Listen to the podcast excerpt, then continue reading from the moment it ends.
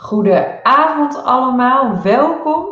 Nou, ik zie dat er al wat mensen aanwezig zijn. Hartstikke mooi. Uh, mijn naam is Tamara de Weijer. Ik zal me zo meteen natuurlijk ook eventjes uh, voorstellen. Maar laat even in de chat weten of je me goed hoort en ziet. Als het goed is, zie je drie kopjes naast elkaar. Ik zal ze zo natuurlijk nog even voorstellen. Hallo wordt er helemaal gezegd. Oké, top. Maar kunnen jullie mij ook goed horen? Kunnen jullie ons goed zien? Zet dat even in de chat. Aan de rechterkant kan je dat melden. Prima, ja, ja, oké, fantastisch. Ja, oh, nou komen er altijd een heleboel komen er binnen. Nou, fantastisch. We hebben in verband met de privacy kunnen alleen wij achter de schermen kunnen jullie zien. Hè? Dus zodat je echt anoniem gewoon je vragen kan, uh, kan stellen. Um, nou, nogmaals, uh, welkom. Mijn naam is Tamara de Weijer. Ik ben huisarts. En ja, ik vind het ontzettend leuk om deze avond te doen. En ik doe best wel veel webinars. Uh, maar deze avond is voor mij wel echt extra bijzonder. En dat komt omdat ik het samen mag doen met deze. Ik heb altijd toppers, maar deze twee extra toppers. Uh, ja, waar ik nu echt een jaar heel intensief mee samenwerken. Marieke en Marloes. Uh, met het uh, Dr. Tamara online leefstijlprogramma. Ja, ze hebben natuurlijk hun eigen expertise naast leefstijl breed, maar ook hun eigen, ja, hun eigen expertise. En daar gaan ze vanavond over vertellen. En dat vind ik echt te gek dat we deze webinar uh, gaan doen. Dus nou, speciaal welkom ook voor jullie dames. Heel erg leuk dat dit er eigenlijk van is gekomen. Ja, we kijken er ook naar uit, eh, Tamara. Nou, ja. top. Ja. Nou, dat is Marloes de eerste die sprak. En Marieke, ik zal jullie zo nog even verder voorstellen. Voordat we gaan starten, even nog wat huishoudelijke mededelingen. Uh, nou, zoals ik al zei, uh, mijn naam is Tamara de Weijer. Voor de mensen die mij niet kennen, ik ben dus uh, huisarts. Ik werk bij een praktijk in Amersfoort. ik heb een aantal boeken geschreven voor consumenten en ook voor zorgprofessionals. En een jaar of vijf inmiddels alweer geleden heb ik Vereniging Arts en Leefstijl opgericht om ja, vooral professionals te helpen. Nou, hoe doe je dit nu in de praktijk? Nou, en zoals ik al zei, een jaar geleden, dus nu 11 mei was het een jaar geleden, hebben wij het uh, Dr. Tamara online leefstijlprogramma gelanceerd. Daar zal Marloes straks iets verder over vertellen. Nou, en wat ontzettend gaaf is dat we nu bijna zo'n 2500 deelnemers daarin al hebben begeleid naar een gezonde leefstijl. Dus dat is echt, ben ik super, super trots op. Nou, dan de huishoudelijke mededelingen. Kan zijn dat je verbinding wat wegvalt. Uh, ja, dat ligt dus vaak aan je eigen uh, aansluiting. Um, er zit bovenin zit er een knop opnieuw verbinden. Druk daar dan eerst op of op F5, dan sluit hij opnieuw aan. Dus ga er niet uit en weer in. Maar probeer eerst eens even opnieuw te verbinden. Vaak helpt dat al. Als dat nou ook niet helpt, zet het even in de chat. Wij kijken natuurlijk achter de schermen mee behalve de spreker op dat moment. Nou, zoals ik al zei, vragen kunnen via de chat gesteld worden. We gaan eerst drie kwartier gaan uh, de dames hun verhaal vertellen en daarna worden de vragen worden zoveel mogelijk uh, beantwoord. Daar gaan we ons uiterste best voor om alle vragen te beantwoorden vanavond.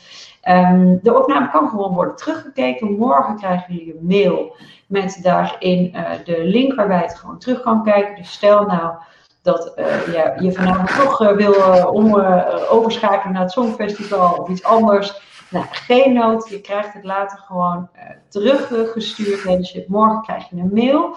Um, ook met de presentaties van ons erbij. Ja, en wat ik altijd wel ontzettend leuk vind, wat ik hier mag aanbieden, is. We vinden het zo tof dat jullie hier bij ons zijn en dat jullie toch hey, je aandacht hierbij hebt. Is dat wij iedereen die hier kijkt, gewoon een 100% geld teruggarantie willen geven voor het online leefstijlprogramma. Nou, nogmaals, daar komt Molux dus straks nog even verder op terug. Uh, oh, ik, ja, normaal doe ik het altijd, dus het zat helemaal in mijn systeem. Want ik deed heel even kort, wat is het? Het is een programma van uh, 10 weken, dus 10 weken lang krijg je allerlei verschillende lessen in video's, die krijg je toegestuurd. En er zitten recepten zitten erbij, we hebben een online community, we hebben een online spreekuur elke maand hebben natuurlijk een helpdesk die, eh, die volop beschikbaar is. Um, en het programma is ook een jaar toegankelijk. Dus stel je wilt nog eens een keer opnieuw kijken. Um, alles is gewoon ook een jaar je toegang. Het kost 99 euro. Ben je aanvullend verzekerd, dan uh, vergoedt de verzekering het vaak gedeeltelijk of geheel. Maar voor vanavond maakt dat dus niet uit, want iedereen die zich hiervoor aan heeft gemeld, die krijgt gewoon 100% geld teruggarantie. Maar daarover dus later meer.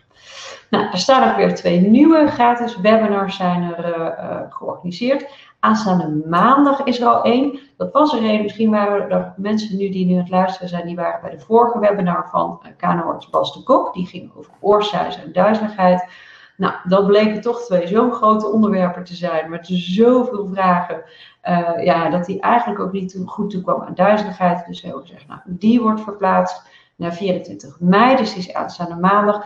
Is natuurlijk een hele kort dag, dus ik snap het ook als je dan al andere plannen hebt op tweede Pinksterdag.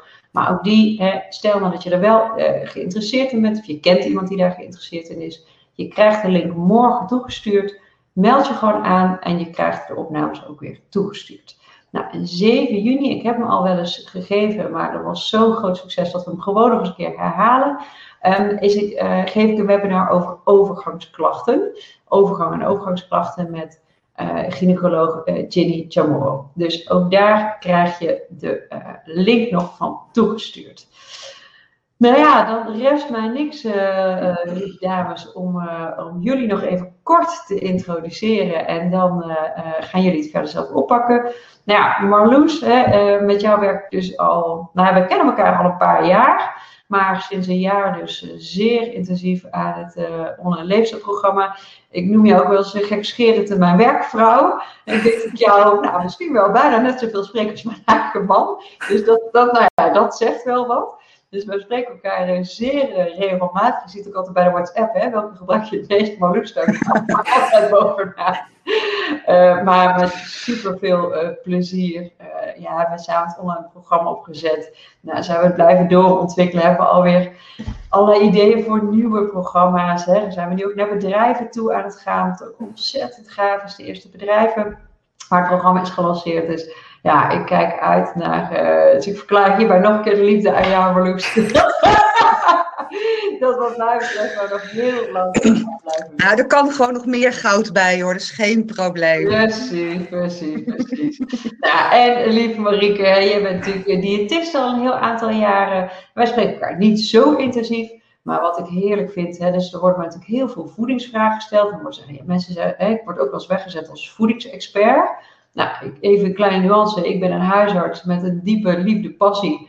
Uh, en ook echt wel kennis over voeding. Maar ik ben natuurlijk geen diëtist. Dus ik ben zo blij dat jij ook bij het, uh, zo intensief uh, programma betrokken bent. Omdat ja, er is tot nu toe volgens mij nog geen voedingsvraag geweest waarbij je zei, nou, dat, daar heb ik echt nog nooit van gehoord. Dus ja, we gaan eens zien met welke vragen mensen vanavond komen. Uh, dat is altijd een leuke uitdaging voor de kijkers thuis. Hè? Uh, en het kan, het kan. Ik hoor ook altijd nog nieuwe vragen, maar ik ben altijd diep onder de indruk ook van, jou, van jouw kennis, jouw ervaring. Dus nou ja, en nogmaals, ik kijk er naar uit om deze avond met jullie te starten. Volgens mij heb ik genoeg gezegd nu. En uh, mogen jullie gaan starten? Marloes, volgens mij jij trapt af, klopt dat? Klopt helemaal. Ik ga zo de presentatie opstarten, maar ik zal alvast uh, even wat vragen uit de chat beantwoorden. Oh, kijk. Nee hoor. Oh.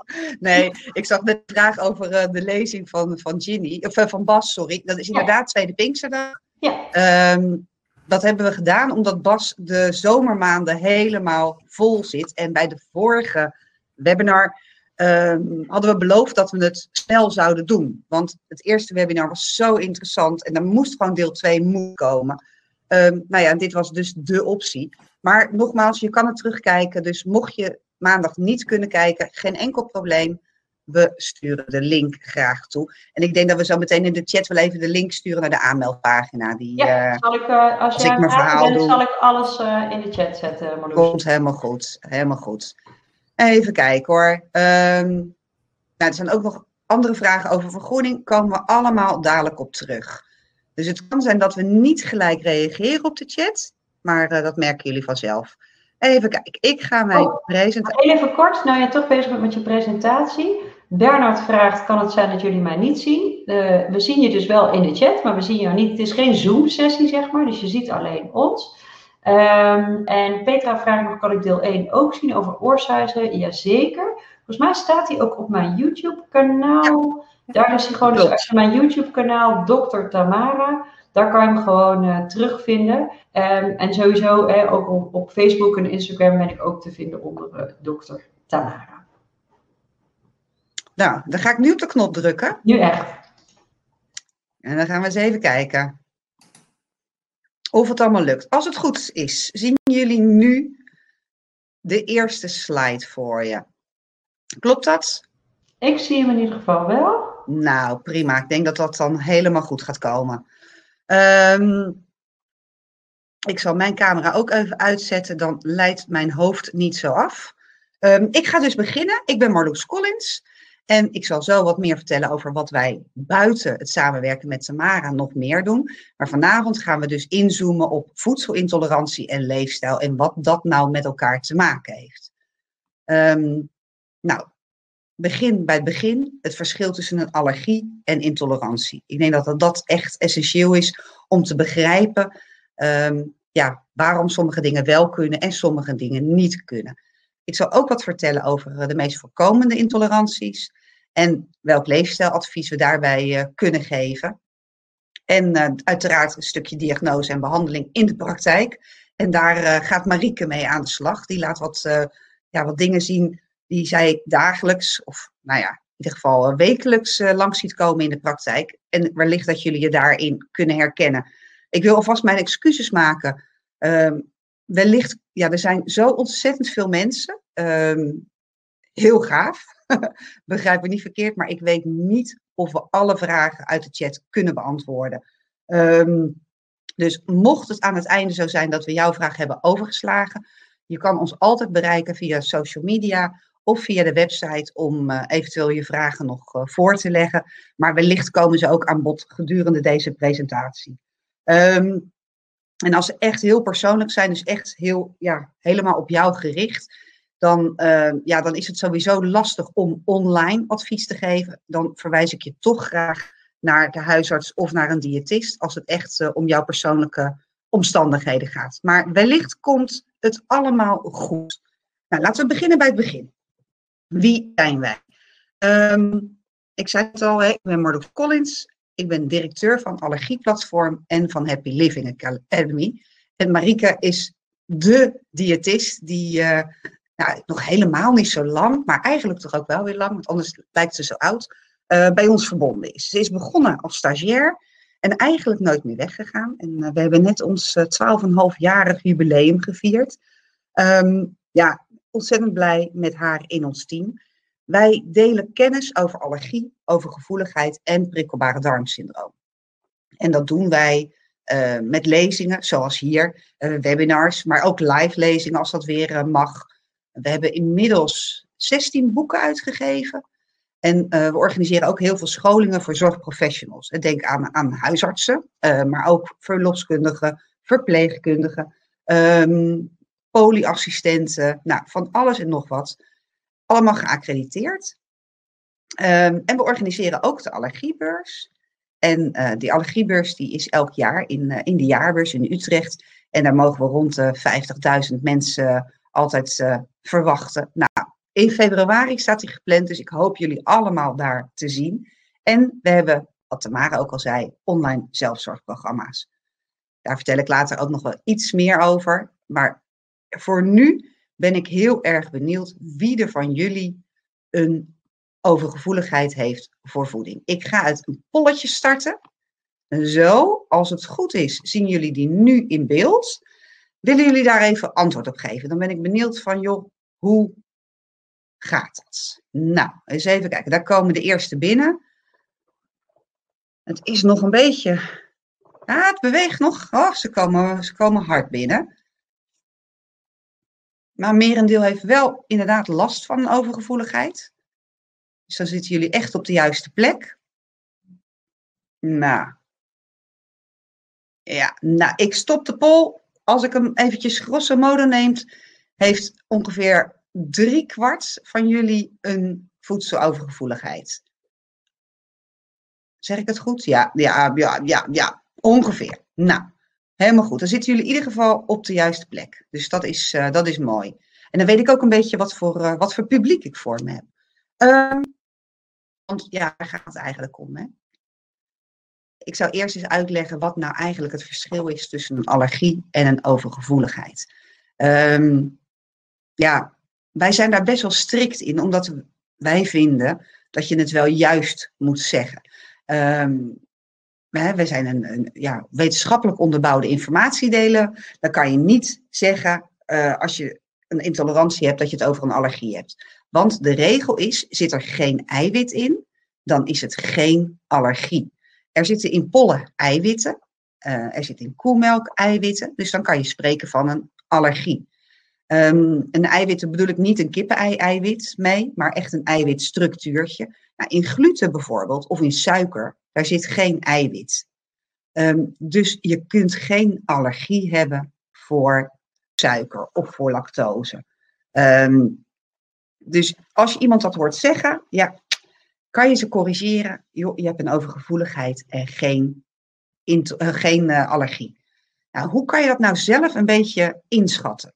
Um, als je een reactie hebt binnen twee uur na het eten of drinken of opsnuiven van iets, dan is het vaak een allergie. En als het langer duurt, dus tot 72 uur, dan spreek je meestal van een intolerantie. Nou, kunnen jullie dat een beetje, een beetje volgen? Is dat duidelijk? Ja? Oké. Nou, het komt redelijk weinig voor.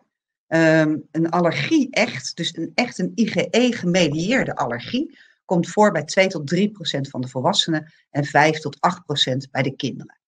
Um, bij een intolerantie is het ongeveer 25 procent van de bevolking die dus last hebben van een intolerantie. Oké.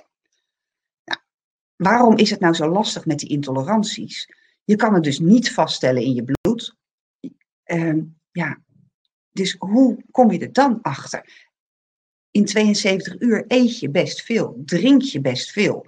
Nou, het is dus echt een heel gepuzzel om daar achter te komen. Nou, daar bieden we graag een beetje ondersteuning bij, vooral met dit webinar. Um, de eerste stap bij het vaststellen van een, eh, of het nou een allergie is of een intolerantie, is ja, het verzamelen van je informatie. En we hebben daar een heel leuk document voor uh, ontwikkeld, het Happy Belly Start document. Um, dat document is niet alleen voor als je buikklachten hebt, ook als je andere klachten hebt voor je huid of nou ja, wat dan ook. Dat document sturen we je graag toe. Dat krijg je bij de opnames van, uh, uh, van dit webinar. En dat startdocument, daar schrijf je eigenlijk een week of twee op. Um, ja, wat je hebt, wat je hebt gegeten, wat je hebt gedronken, wat voor speciale dingen er zijn en um, ook hoe je klachten zijn. Als je dat na een tijdje hebt verzameld, dan kan je naar de huisarts gaan.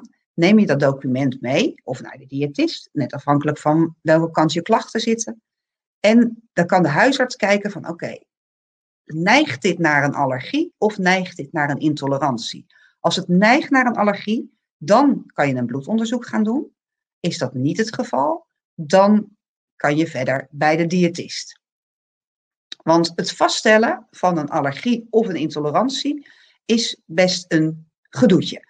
Uh, als je echt een allergie hebt, nou prima, dan doe je bloedonderzoek bijvoorbeeld, of in het ziekenhuis, en dan een buisje bloed, dat gaat door een speciale machine, en dan gaat hij kijken of jouw bloed, jouw eiwitten, uh, reageren met de eiwitten uit de verwachte allergenen.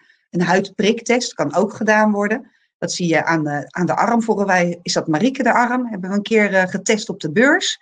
Um, weet niet of jullie dat wel eens geprobeerd hebben, maar die, uh, ja, dan krijg je zo'n stripje op je arm. Dan doen ze een druppeltje van het allergeen op. En met een heel klein naaldje prikken ze daar doorheen, door het bovenste laagje van je huid. En als dat opkomt, dan kan je zien hoe erg je er last van hebt. Um, die andere stickers, dat is een, uh, een sticker op de rug van mijn moeder. Ik dacht, ik ga geen uh, wildvreemde mensen gebruiken in deze presentatie. Uh, mijn moeder die heeft last van uh, contactallergie, dus huidallergie. En in die pleister zitten kussentjes. En in elk kussentje zit een beetje van het allergeen. En uh, die moet 48 uur blijven zitten.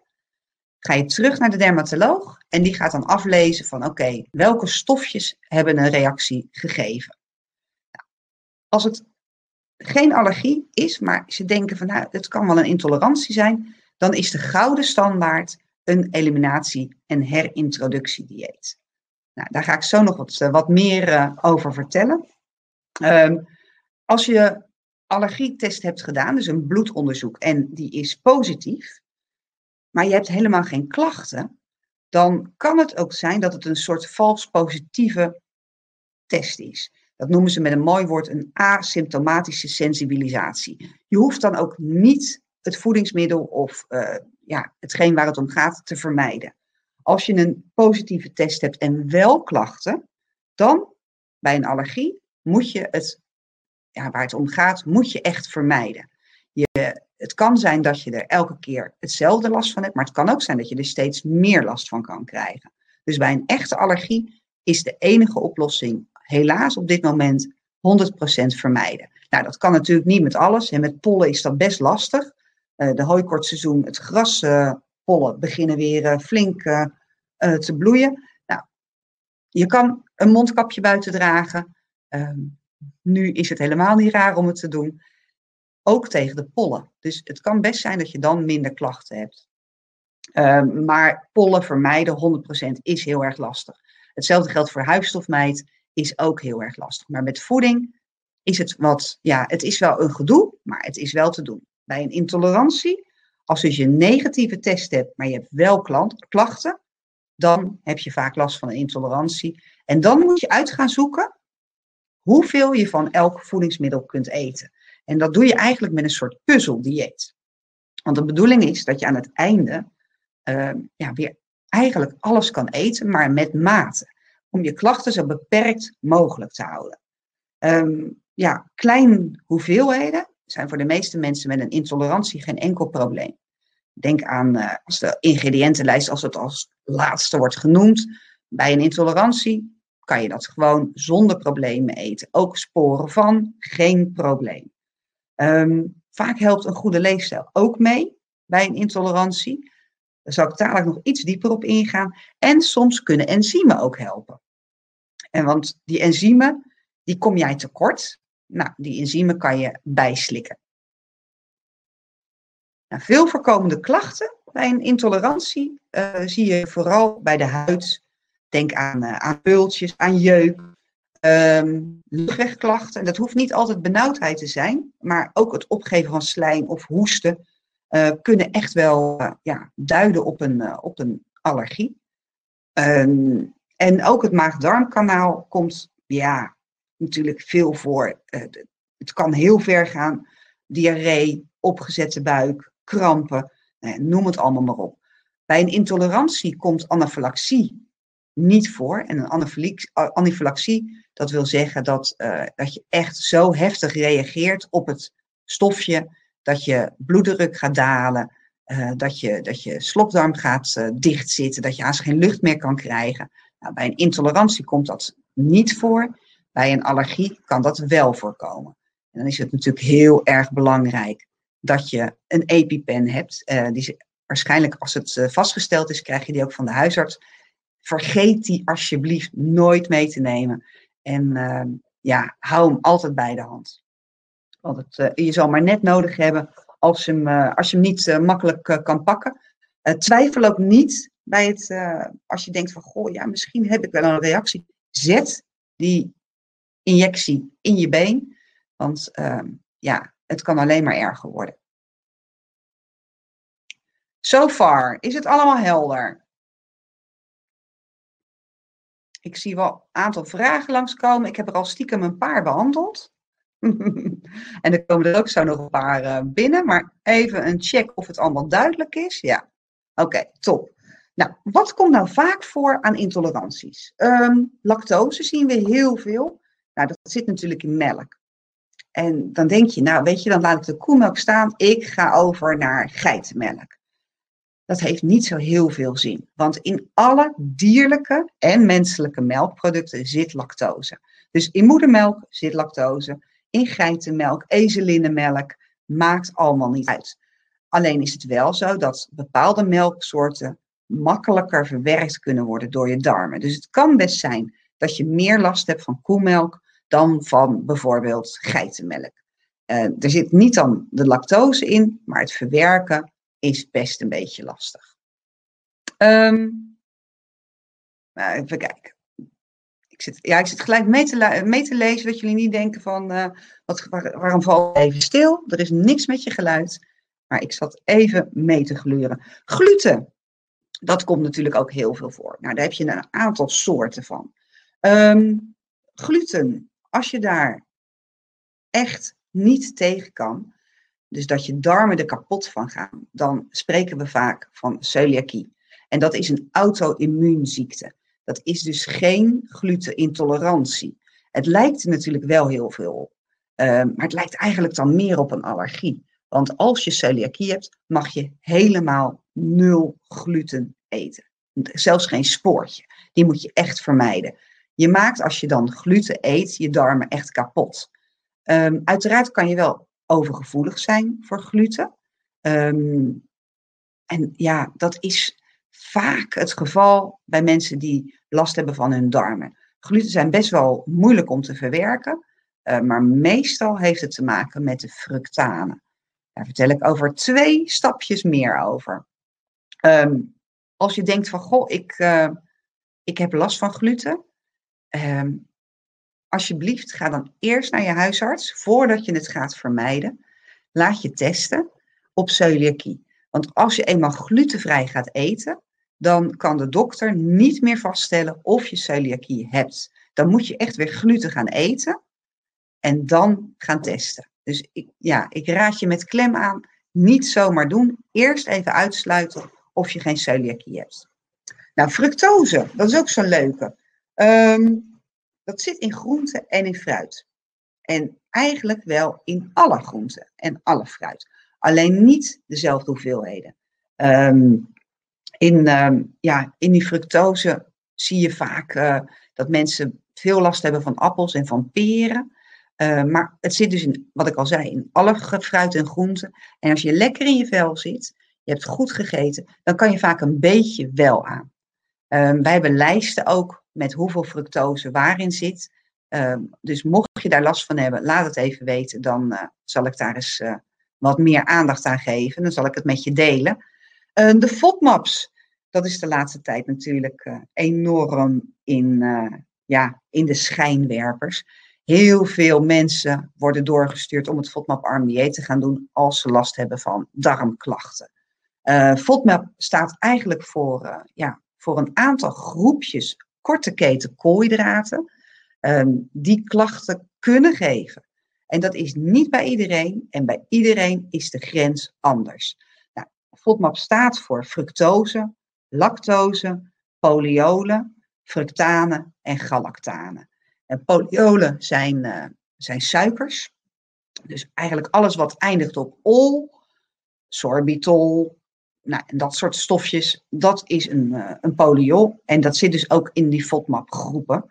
Um, de galactanen, nou, dat herken je waarschijnlijk ook wel als je last hebt van je darmen. Dat zit bijvoorbeeld in uh, pulvruchten. En de fructanen, dat is het leuke wat heel erg lijkt op die gluten. Um, heel veel mensen die glutenvrij gaan eten omdat ze last hebben van hun darmen, hebben er meer aan om de fructanen te vermijden. En uh, hoe je dat kan testen, als je wel spelt kunt verdragen en je hebt geen celiakie, want in spelt zitten natuurlijk ook gluten, dan zijn het vaak de fructanen. En fructanen, dat is ook een korte keten koolhydraat, zit bijvoorbeeld ook in knoflook en in ui. En de meeste mensen met prikkelbare darmsyndroom hebben gewoon de moeite het verwerken van de fructanen. En dat is best een, eh, een puzzeltje. Um, nou, dat FODMAP-arm dieet, dat is een, uh, ja, een traject van een, uh, ja, van een je begint met twee weken elimineren. En daarna, als je klachten zijn afgenomen, ga je groepje voor groepje, ga je alles weer herintroduceren.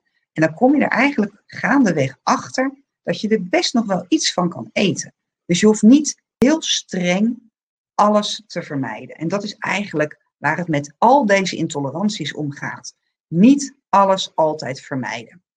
Nou, heb je het FODMAP-dieet geprobeerd en denk je, ja, na die klachten, nee het, het, neemt niet af. Ook niet na zes weken. Dat is de, ja, de maximale tijd die wij adviseren om FODMAP-arm te eten, voordat je gaat herintroduceren. Zijn na die zes weken nog niet je klachten voldoende afgenomen, dan kan het zijn dat je te veel bacteriën in je darmen hebt. Die gaan rommelen. En dat, uh, dat heet met een mooi woord SIBO. Um, dat staat voor Small Intestine Bacterial Overgrowth. Dat zie je vaak bij mensen die eigenlijk wel heel gezond eten. Um, en daarmee met die gezonde voeding de bacteriën in hun darmen eigenlijk overvoeden. Uh, want bacteriën in je darmen, die hebben natuurlijk voeding nodig. Nou, dat krijgen ze dan in ruime mate.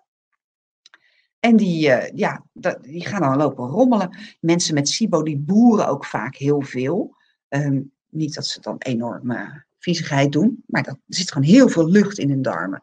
Nou, het SIBO-dieet, daar is ook een dieet voor, um, is eigenlijk een strengere zusje van het FODMAP-arm-dieet. Uh, bij FODMAP heb je eigenlijk alleen een restrictie op die FODMAP-groepen. En bij SIBO vermijd je ook nog tijdelijk de zetmelen. En uh, dat is dus een wat strenger dieet, een wat langer dieet. Maar ik hoor ook heel veel mensen die daar echt enorm van opknappen. Um, nou, dan hebben we nog histamine. Dat is ook een hele leuke. Dat zien we vaak bij, uh, bij vrouwen ja, vanaf de overgang. Um, in de darmen wordt histamine afgebroken. Histamine zit in voeding, het wordt aangemaakt door voeding, maar het wordt ook aangemaakt door je eigen lichaam. Dus histamine vrij eten, dat kan niet, dat bestaat niet. Um, histamine heb je nodig ook voor de goede werking van je hersenen. Um, maar ja, waar is jouw grens? Wanneer loopt jouw badkuip over? Dat is wat je uit moet zoeken. Nou, waar zit histamine nou in? Um, denk aan bananen, aan aardbei, aan ananas, aan bewerkt vlees en vis. Uh, eiwit van een ei, uh, nootmuskaat, uh, drop, alcohol, gember, kaneel. Nou, in heel veel producten. Als je nou denkt van, goh, ik, ik ga dat eens uittesten. Nou, het, het makkelijkst om bij histamine-intolerantie te doen, is alles vers te maken. Um, dingen die je, ook al is het maar een middagje laat staan, dus het, uh, of een, een, een avond, in, je, je hebt je prakje op en je hebt nog een restje over. Dat eet je de volgende dag bij het ontbijt. Als je histamine-intolerantie hebt, moet je dat niet doen. In die tijd gebeuren geen enge dingen met je eten, maar in je prakje worden ja, wat meer histamine vrijgemaakt. En dat is uh, niet aan te raden als je daar dus klachten van krijgt. Dan loopt jouw badkuipje dus gelijk over. Nou, de laatste die wij heel veel zien, dat zijn kruisreacties bij hooikoorts.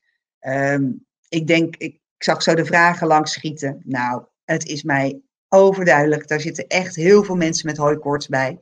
Um, Marieke en ik die staan uh, altijd op de beurs, op de allergiebeurs. En dan komen mensen, ja, ik heb een appelallergie en ik heb ook zo'n ontzettend last van hazelnoot. Ja, heb ik nou een voedselallergie of uh, wat zou het kunnen zijn? En dan eerste vraag die wij stellen, joh, heeft hij ook hooikoorts? Ja, ja, ja. Ik heb ook last van de berkenpollen. Nou, dan is het voor ons al duidelijk, dan heb je het para-berk-syndroom. En dat klinkt echt heel erg mooi. Maar het is eigenlijk gewoon een, uh, ja, een trucje van je lichaam. De eiwitten uit de berkenpollen, die lijken enorm op de eiwitten in een appel. En op het moment dat je een appel gaat eten, gaat je mond tintelen, je tong gaat raar doen. Uh, sommige mensen krijgen een kriebel in de keel of jeuk aan hun oren. Um, dat komt omdat die eiwitten dus op elkaar lijken. Nou, en wat het leuke dan van een appel is, die eiwitten kan je kapot maken.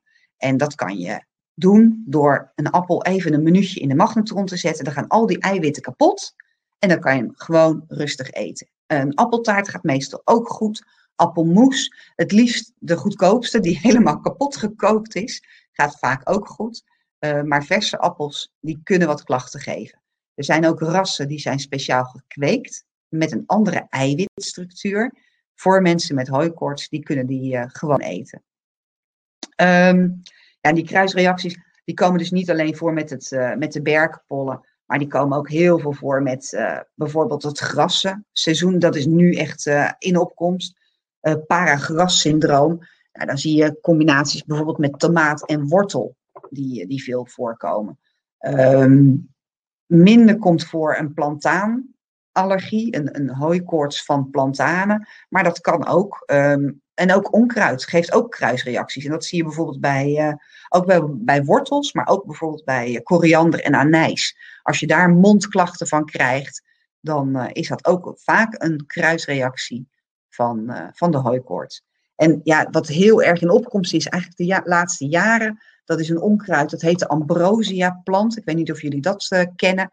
Dat is echt de, ja, Tamara is bezig in de tuin. Nou, ik hoop dat ze al die ambrosia's eruit kan krijgen met wortel en al. Het is een vreselijke plant. Hij woekert enorm en geeft miljoenen pollen af. Het is echt een hele nare plant. Er zitten Ik zal eens even kijken, Marloes, want ik ben niet zo... Uh, ik ben niet zo thuis. Maar ik heb zelf ook een klein beetje hooikoorts. Niet enorm hoor. Maar de ambrosia zeg je? Ja, ik zal een plaatje delen met je, Tamara. Heel fijn, dank je.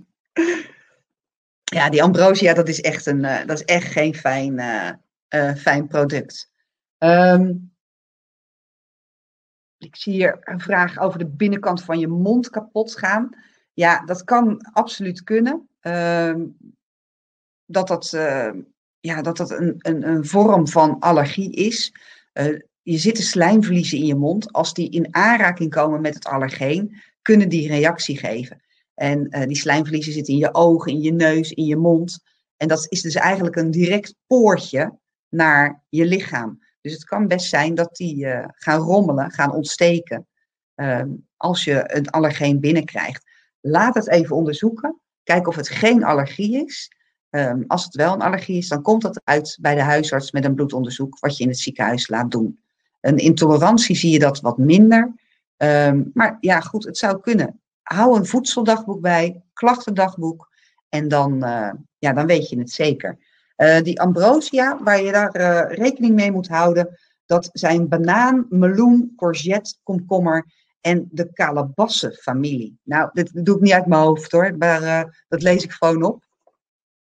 ja, en een brandende tong, dat kan ook inderdaad daar heel erg bij horen. Oké. Helemaal goed. Dan gaan we naar de volgende stukje. Want hier wilde ik ook graag eventjes meer aandacht aan geven. Leaky gut. Een paar jaar geleden, als je dat woord noemde, werd je verguisd door de reguliere geneeskunde, want dat bestond niet en nou, het was allemaal maar onzin. Maar we weten inmiddels gelukkig wel meer. Maar wat erg belangrijk is, je hebt geen leaky gut. Uh, nou, in zoverre, het is geen aandoening. Dus het is niet iets waar je altijd rekening mee moet houden. Je moet het eigenlijk een beetje vergelijken met een hoofdpijn. hoofdpijn heb je gelukkig, hoop ik voor je, niet heel de dag, elke dag. Maar heb je af en toe, nou, dat is met je leaky gut precies hetzelfde.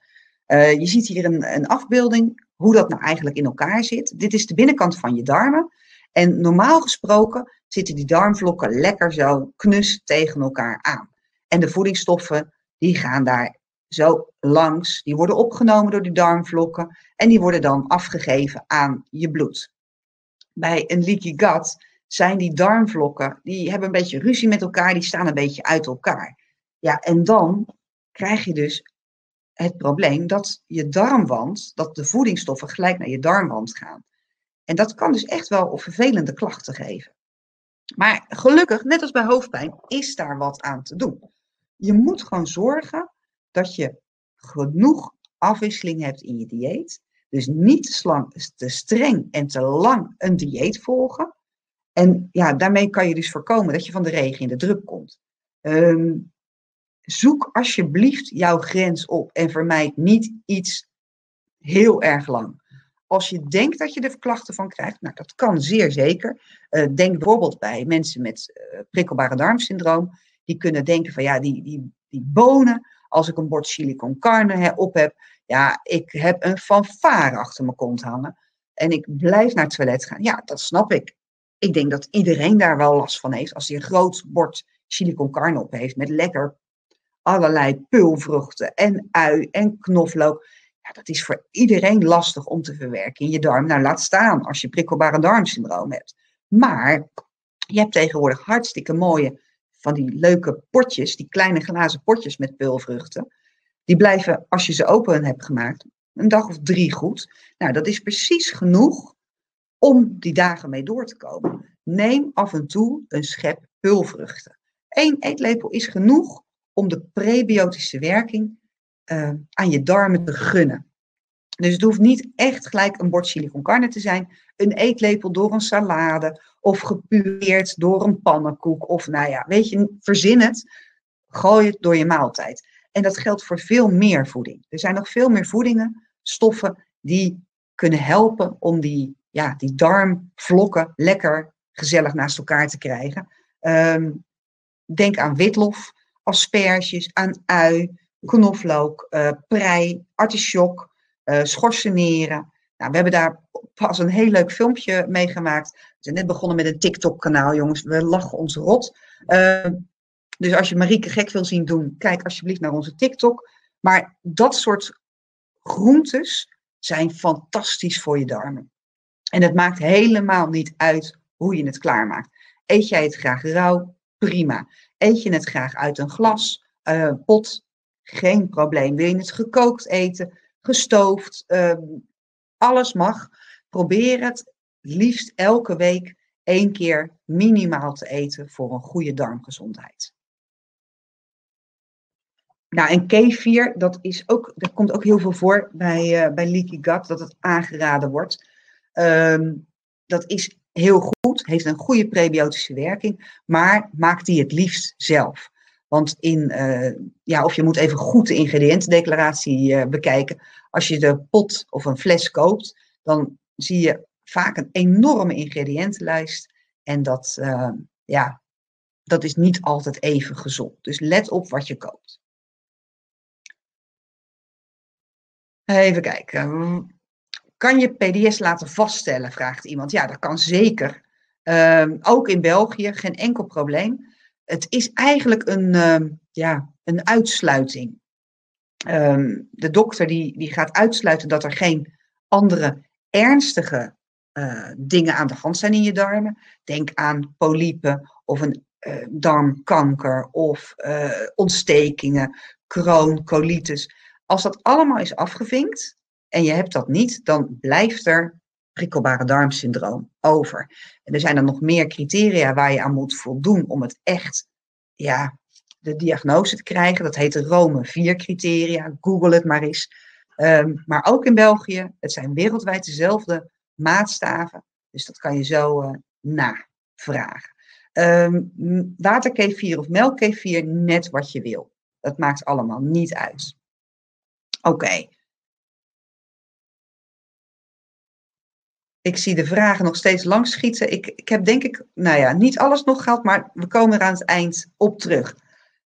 Dan gaan we nu verder met de gezonde leefstijl. Want uh, ja, inmiddels heeft Tamara me natuurlijk helemaal aangestoken uh, met haar passie voor een gezonde leefstijl. Voeding is super belangrijk bij een intolerantie. Maar er is nog veel meer belangrijk. Want alleen met voeding ben je er niet. Het is niet de oplossing. Um, de oplossing is om zoveel mogelijk te eten. Verschillende stoffen, verschillende dingen. Gezond, snel gemaakt, niet bewerkt. Nou, noem het allemaal maar op.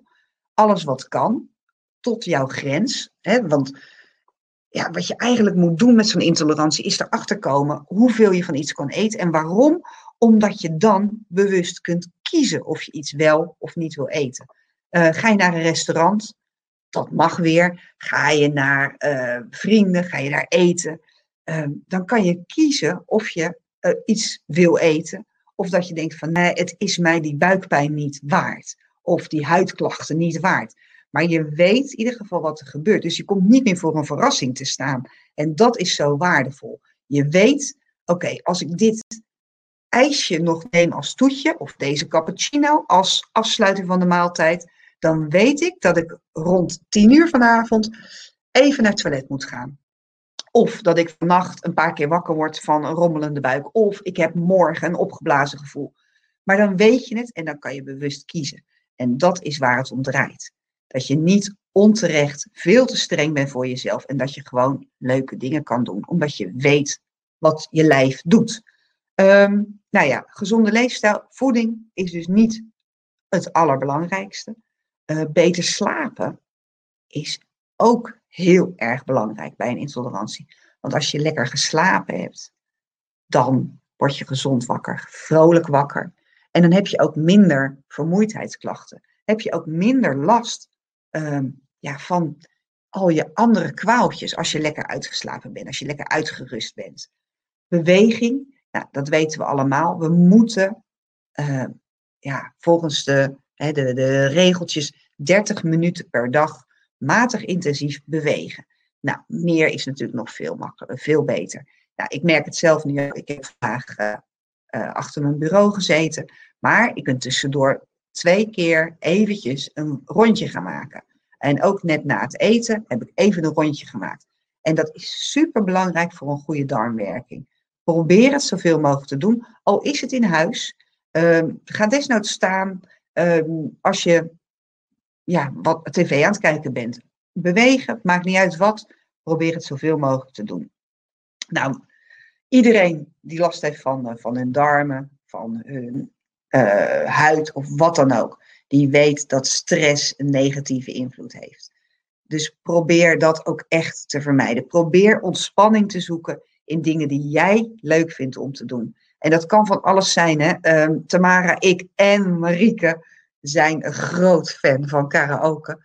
Um, dus ja, dat kan ook thuis. En dat kan in de auto, dat kan overal. Dat is voor ons echt een stukje ontspanning waar wij heel erg blij van worden. We denken aan niks anders. We zijn alleen maar bezig met, uh, nou ja, de meest fantastische nummers tegen horen brengen.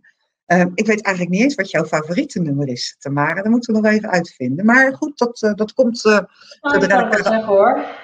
dat is, ja, ik luister natuurlijk gewoon mee.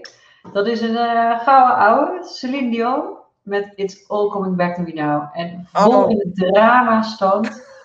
Dus ja, ik weet niet of mensen het nummer kennen. Dus ik zal, ik zal het linkje er gewoon even op zetten. Gewoon omdat het kan. Maar dat is echt mijn all-time favorite. Nou, ik ga hem uh, in mijn playlist zetten. Uh, de mijne is uh, Ich bin wie du van Marianne Rosenberg. En ja, dat, ik word daar gewoon helemaal gelukkig van. Maar goed. En Marieke, welke, heb jij, welke vind jij het leukste? Ja, ik heb gewoon hele goede herinneringen aan Ademnood van Linda, Roos en Jessica. Nu heb ik tot in den treuren gekaraoke met mijn vriendinnen. Dus dat, hij, hij, is niet heel moeilijk, maar het, het blijft een, een filler, ja. Nou ja, misschien doen we als toegifte na dit webinar. Uh, we zullen kijken. Ja. Uh, maar goed, sorry. Weer even terug naar gezonde lezen. Ontspanning. Het maakt dus niet uit wat je doet. Uh, al vind jij stofzuigen leuk en het ontspant je, weet je, ga het lekker doen. Ik denk dat uh, als je dat hebt, nou prima, dan mag je ook bij mij thuis langskomen.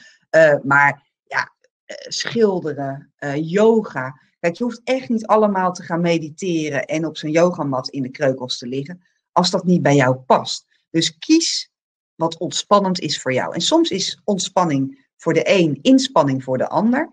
Het maakt niet uit als je maar zorgt dat je het in je agenda zet. Want het is vaak iets wat we als aller, allerlaatste voor onszelf doen. Iets om te ontspannen. En dat zien we zeker nu bij veel thuiswerken. Dan blijf je maar in die tred lopen dus maak er tijd voor vrij. Zet het gewoon in je agenda. Zet een alarmpje en ga iets voor jezelf doen. Nou, wat nog meer heel erg belangrijk is bij een gezonde leefstijl, is, uh, is zingeving. Dat heeft ook weer te maken met doen waar jij uh, ja, goed bij voelt. En uh, dat kan dus zijn verbinding met jezelf. Dus dat je echt naar jezelf kijkt van, joh, wat past nou bij mij? En op dit moment en waar word ik nou echt gelukkig van. Maar het kan ook zingeving zijn naar de ander toe. Um, ja, goed, daarover veel meer in het, uh, in het online leestelprogramma. Um, welke heb ik nou nog niet gehad?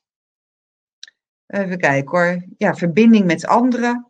Nou ja, dat is ook zo'n ontzettend. Ja, nou goed, dat weten jullie ook. Vaak is het veel leuker om een cadeautje te geven dan te krijgen. En uh, ja, dat is waar verbinding om gaat. Zorgen dat je op een echt een warm niveau connecties maakt. En dat kan zijn door te delen dat we dus van karaoke houden. Uh, misschien zitten er in de groep die meekijken nog meer mensen die dat leuk vinden. Nou, dan gaan we gewoon een karaokefeestje organiseren. Uh, dan heb je gelijkgestemden. En die gelijkgestemden hoeven niet altijd vlakbij je te wonen.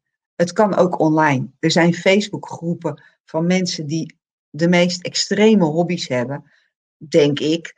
Maar ja, misschien voel jij je daar helemaal goed bij. En kan je zo lid worden van een clubje. Ehm, nou ja, goed. eh, dus of je nou van punniken houdt, karaoke of, eh, of dansen. Ja, Lia, dat zou ook zo kunnen. Ehm, weet je, zoek mensen op die daar ook van houden. Ze zijn er en ze zijn zeker online makkelijk te vinden. Nou, met al die gezonde ja, dingen die bij die leefstijl horen, merk je dat als dat eenmaal goed op orde is, dus je eet goed, je beweegt goed, je doet voldoende ontspanning, je slaapt lekker, je hebt verbinding, je hebt zingeving, dan merken we dat een groot deel van de, ja, de klachten bij een voedselintolerantie al een beetje zijn afgenomen. En misschien hoef je dan helemaal niet meer een dieet te gaan volgen.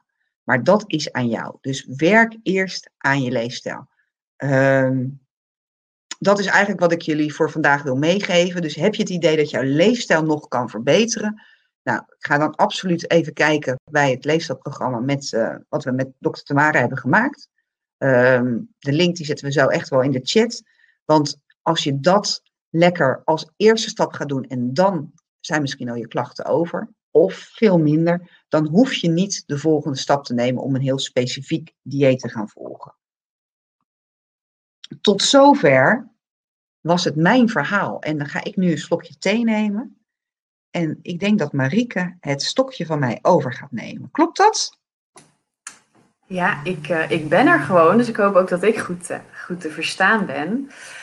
Uh, nou ja, ik heb echt genoten van je verhaal weer, Marloes. Het is niet voor mij natuurlijk nieuwe kost, maar ik vind het altijd weer fijn om, om jou erover te horen praten. Want dan denk ik altijd van, oh ja, wat, wat komt toch veel voorbij, ook inderdaad met de allergiebeurs. En uh, wat, wat ja, horen toch ook altijd veel verhalen van mensen. Um, ja, ik ga eigenlijk alleen maar praten over de verhalen of eigenlijk de problemen of klachten die ik van mensen te horen krijg. Nou, zoals ik al uh, ben geïntroduceerd natuurlijk, ja, ik ben diëtiste. Uh, ik werk inderdaad al 12,5 jaar met Marloes, maar uh, ik ben dus ook al nou, ruim tien jaar uh, werkzaam gewoon in de eerste lijn. Dat betekent uh, als mensen bijvoorbeeld via de huisarts bij een diëtist komen, komen ze bij mij. Ik werk niet in het ziekenhuis. Ja, en daar kom ik ook natuurlijk van alles tegen. En ook daar loop ik tegen het gepuzzel aan. Um, want dat is ja, waar ik mijn puzzels doe, eigenlijk in de praktijk. Dus uh, ja, ik, ik ga er inderdaad wat uh, over vertellen aan de hand van casussen. Dat betekent, um, nou, ik heb een cliënt en ik vertel, nou, wat uh, zijn daar de problemen van geweest of de klachten en hoe hebben wij, of hoe heb ik geprobeerd die cliënt te helpen. En ja, dit, dit doen we ook vaak onderling als professionals met elkaar. En nu doe ik het dus, um, ja, uh, voor jullie, eigenlijk misschien wel uh, ook mijn, mijn cliënten, om maar zo te zeggen. Ja, in de praktijk uh, ga ik dus samen met mijn cliënten puzzelen. Um, ik werk, nou ja, ik, ik werk op verwijzing vaak van ook huisartsen die bijvoorbeeld iemand gezien hebben met klachten. Soms heeft iemand al een allergietest gedaan, soms helemaal niet. Uh, soms loopt iemand al bij bijvoorbeeld een MDL-arts, een, uh, een maag-darm-leverarts, soms ook niet, soms bij een allergoloog geweest. Het is eigenlijk heel breed, uh, de mensen die ik zie. als ik het heb over een allergietest, en daar vertelde Marloes ook al over, hebben we het over een IgE-test. Dus echt de test voor die eiwitten. Hè. Heeft iemand hooikoorts of heeft iemand koemelkallergie of heeft iemand pindaallergie, et cetera. Um, Heel soms zie ik ook mensen die een intolerantietest hebben gedaan. En het nadeel daarvan is dat er vaak een hele grote lijst aan producten uitkomt die, uh, waar iemand ja, misschien niet tegen zou kunnen. En, en vaak zie ik die mensen dan omdat ze niet meer weten wat ze wel mogen eten. Nou, zo'n intolerantietest, een IgG-test, is ja, niet bewezen, betrouwbaar, vaak heel duur. Um, en het toont eigenlijk niet aan of je daadwerkelijk klachten ergens van hebt. En ja, mijn grootste advies is altijd: als je geen klachten hebt, ja, moet je het dan vermijden. Want dan kan je natuurlijk een heleboel vermijden aan de hand van, uh, van testen. Um, dus ook ja, eigenlijk met, met alle soorten testen is het altijd de vraag: heb je er klachten van en hoe gaan we er dan mee om? Nou, wat, wat het doel is, hè, dat um, als mensen bij mij komen met klachten, dan hoop ik ze te kunnen helpen om juist zoveel mogelijk wel te kunnen blijven eten. En ja, waarom dat zo belangrijk is, is wat Marloes al zei. Hè?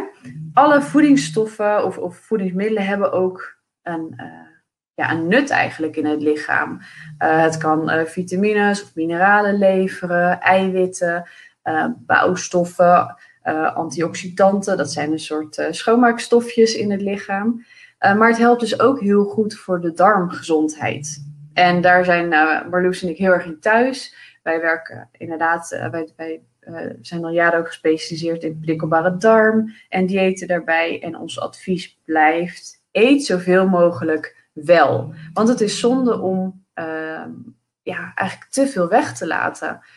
Um, ja, en, heel toevallig, voordat we uh, begonnen, zei ik al tegen zowel Tamara als Marloes: Nou, ik had vandaag de perfecte cliënt als ik het heb over tekstboek Ehm, ja, hoe verloopt het soms met een, een, intolerantie en hoe wil je het dus niet hebben? Uh, een mevrouw die al 15 jaar uh, buikpijnklachten heeft, uh, vooral diarreeklachten eigenlijk. En ja, zij werkt op een gegeven moment, oh, ik kan niet zo goed tegen knoflook, is dat gaan weglaten. Uh, nou, toen een keer uigen ook niet goed, et cetera, et cetera. En dat is eigenlijk een soort visueuze cirkel geworden waarin ze steeds meer is gaan weglaten. De klachten gingen niet over. Um, en nu zegt ze, ja, ik, ik kan de deur niet uit, want ik heb nog steeds diarreeklachten. En dusdanig heftig dat ik dus ook echt niet, uh, niet onderweg durf te gaan. In ja, uh, deze tijd ook dat je kunt niet overal zomaar een toilet gebruiken. Ze zegt, ik durf het niet. En ik eet eigenlijk nog maar drie soorten groenten. Uh, en uh, witbrood, dat gaat soms goed, maar bruin brood kan ik niet meer eten. Dus ja, wat moet ik nu? Hoe moet ik nu verder? Ja, en, en dat is echt een risico. Steeds meer weglaten en daar wordt die darm en het lichaam niet gezonder van. Hè? Dus dat is wel een beetje het moraal van het verhaal, dat je juist niet onnodig moet vermijden. Um, wat Marloes ook al aangaf, hè, is, is altijd een streng dieet nodig? Nee. Ik zie veel cliënten die komen bij de huisarts uh, van van de maagdarm-leverarts. En daar hebben ze besproken van, nou, misschien is het FODMAP-dieet iets voor mij. En die melden zich van, nou, ik, um, ja, ik wil graag het uh, FODMAP-dieet doen. Of ik moet het FODMAP-dieet doen van mijn arts. Of er is mij geadviseerd. Ja, en, en um, ik spreek natuurlijk niet voor alle diëtisten, maar ik zelf zeg dan altijd: oké, even een stapje terug. Laat ik eerst eens kijken naar uw eetpatroon, naar uw leefstijl hè, misschien zijn daar wel uh, positieve aanpassingen aan te doen, waardoor die klachten al veel minder worden. En ja, mocht dat allemaal niet lukken, uh, dus dan hebben we gekeken naar vocht, vezels, gevarieerd eten, uh, beweging. Is iemand ontspannen? Heeft iemand last van stress? Nou, is dat allemaal helemaal in orde? Kunnen we altijd nog een strenger dieet gaan volgen? Dus nou, dat is een beetje mijn basis. En dan wil ik nu eigenlijk gaan naar ja, de casus. Marieke, ja? mag ik jou uh, vragen om toch je sheet, uh, of om toch je beeld aan te zeggen? Want mensen zeggen, ja, het is nu wel een beetje onpersoonlijk zo. Dus zou jij okay. je beeld toch aan willen zetten? Mensen kijken ja. graag naar je. Oh, nou hallo. hallo. Dankjewel. Ja, nee, dat kan natuurlijk. Um, ik zit lees soms een beetje te, te, lezen, omdat ik dan soms een beetje uh, switch naar de chat. Maar ik, ik doe eigenlijk niet, uh, uh, tijdens mijn kaasbespreking laat ik de chat wel even voor wat hij is. Dus hopelijk vinden mensen dat niet erg. Um, ik zie het nu inderdaad ook zien. Kunnen Marieke haar, haar gezicht ook zien? Of een nieuwe sheet. Ja hoor, dat mag. de puzzel was niet, niet vermakelijk. Nou, mijn eerste casus, en ik wil het ook een beetje uh, ja, interactief proberen te maken. Het is wat lastig omdat er zoveel mensen reageren in de chat, maar ik wil toch af en toe ook uh, jullie mening heel graag horen. Um, nou, deze mevrouw, dit is uh, Reineke, een gezonde vrouw, kwam bij mij omdat ze elke ochtend veel buikklachten had. Um, ja, ze kwam eigenlijk bij mij met een positief verhaal. Hè. Ik, nou, ik leef heel gezond. Uh, het gaat hartstikke goed verder met me. Ik, uh, ik eet graag uh, allemaal gezonde dingetjes. Ik, ik, ik doe aan yoga. Misschien zoals je ziet op de foto, zie, zie je ook links van haar een yogamatje. Um, dus ja, beweging, voeding. Ik denk dat het goed gaat, maar ik heb buikklachten. Ja, zelf had zij gehoord dat, um, ja, dat die, die darmklachten die zij had beetje uh, ja, onprettig gevoel, kramperig, uh, dan toch ook wel wat diarreeklachten. Misschien wel kwamen door lactose. Nou, dus uh, wat had zij zelf al gedaan voordat ze bij mij kwam? Is dat zij lactosevrij was gaan eten. En nou, wat houdt dat in? Hè? De yoghurt die zij at nam ze bijvoorbeeld lactosevrij. Ook de uh, melk gebruikte ze niet veel, maar als ze dat dan dronk, of ze deed bijvoorbeeld door een cappuccino, nam ze een plantaardige vervanger. Zoals een sojamelk of een amandelmelk. maar eigenlijk gaf dat uh, geen resultaat. Dus hij zegt, nou, dat, dat denk ik toch niet, maar ze at nog steeds lactosevrij. Um, nou, ik heb dus gekeken naar, ja, wat ik al zei, hè, eet zij inderdaad zo gezond als dat ze zegt? Want ik, ik ga er niet van uit dat mensen natuurlijk tegen mij uh, uh, jokken of liegen. Um, ik ga ervan uit dat mensen komen voor hulp en dus natuurlijk vertellen hoe het echt gaat. Dus als zij zegt, ik eet gezond, ik eet gevarieerd, um, ga ik uit van de waarheid. Dat is wel mijn positieve insteek. Maar ja, wat eet zij dan wel? Uh, dan neem ik zoals dat heet een anamnese af. Dat betekent, ja, hoe leeft zij? Wat eet zij? Een voedingsanamnese. Hoe ziet haar dag eruit? Um, nou, daar vond ik eigenlijk ook uit. Ze heeft, inderdaad een gezond uh, eetpatroon met van alles erin, vezels. Ze drinkt voldoende water. en ze bewoog inderdaad ook genoeg. Um, maar ja, wat zou het dan toch kunnen zijn? Um, ja, ze had dus vooral in de ochtend buikklachten. En zij at in de ochtend, vertelde ze mij, uh, vaak yoghurt, gewoon volle yoghurt, met wat muesli, niet gezoet, dus ook inderdaad wel een gezond ontbijt. Ik, ik ga toch even in de chat kijken. wat zouden jullie denken dat, waar zij dan last van heeft? Heeft iemand een idee wat haar oplossing zou kunnen bieden?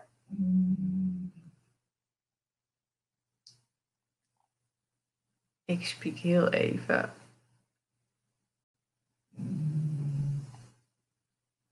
Lastig, lastig, lastig. Even kijken. Allergie. nou, ik hoor tot. Oh, leuk, ja. Stress, koffie, te vetten. Marieke? Ja? Ik weet dat je nog een aantal andere casussen hebt, maar mag ik jou vragen in het kader van de tijd, want we zitten inmiddels op 9 uur, om het bij deze casussen te laten. Want er zijn zo ongelooflijk veel vragen. Ik heb denk ik nog nooit zoveel vragen in de chat gezien als vanavond. Dus Zal ik anders gewoon snel even... De... Ik ben ze al beantwoorden, oh, Tamara. goed. Oh, wat goed, Marloes. Wat ik wel kan doen, zal ik ze anders gewoon even vertellen. Dan maak ik ze minder interactief. Dan, dan kost het wat minder tijd dat ik ze gewoon even, even wat sneller doorloop. Is dat misschien... Sorry, en één ding moet ik heel eventjes... Tina zegt, ligt daar een hond te snurken? Ja, ja. ja goed gehoord, Tina. Ze hebben ja. wel vaak van die uh, wedstrijden van het geluid. Je hebt hem, uh, je hebt hem geraden, Tina. Fantastisch. Ja, ja, sorry. Ik heb een uh, bejaarde Engelse bul en zij snurkt heel hard. En ik kan roepen en gillen nu wat ik wil, maar ze gaat niet wakker worden. Dus inderdaad, de prijs gaat naar, naar Tina, inderdaad. Um, maar Tamara, is dat een idee dat ik ze gewoon even snel doorloop, de, de casussen? Perfect. Ja. Gewoon even, doe ik even, heel snel krijgen jullie een plaatje bij in gezicht. Wat bij Reineke, mijn cliënt hier, vooral het probleem bleek te zijn, geen intolerantie, geen allergie, maar zij had gewoon ehm, ja, eigenlijk een gevoelige maag en, en darmen. Um, ik heb haar geadviseerd om s'morgens vroeg niet ijskoud te ontbijten. Want ze nam wat de yoghurt zo uit de koelkast. En als zij dus last had van uh, de gewone yoghurt, om eens te proberen of geiten, uh, geitenyoghurt of schapenyoghurt beter zou verteren. En dat was inderdaad een verlichting voor haar. Um, daarbij heeft ze misschien ook nog wat andere kleine dingen aangepakt. Maar eigenlijk was vooral dat ijskoude ontbijt Um, en toch de verteerbaarheid van de koemelk was voor haar maagdarmen wat, wat zwaar. Dus dit is eigenlijk een voorbeeld van het hoeft niet altijd een echte allergie of intolerantie te zijn. Het kan ook gewoon een gevoeligheid zijn voor de maag en darmen. Nou, dit is een leuke jonge knul, uh, Thomas. En die uh, kwam op aandringen van zijn moeder. Moeder zei, hij eet geen fruit, want hij zegt allergisch te zijn. Dat is, uh, zoals we zeggen, een zelfgediagnosticeerde allergie.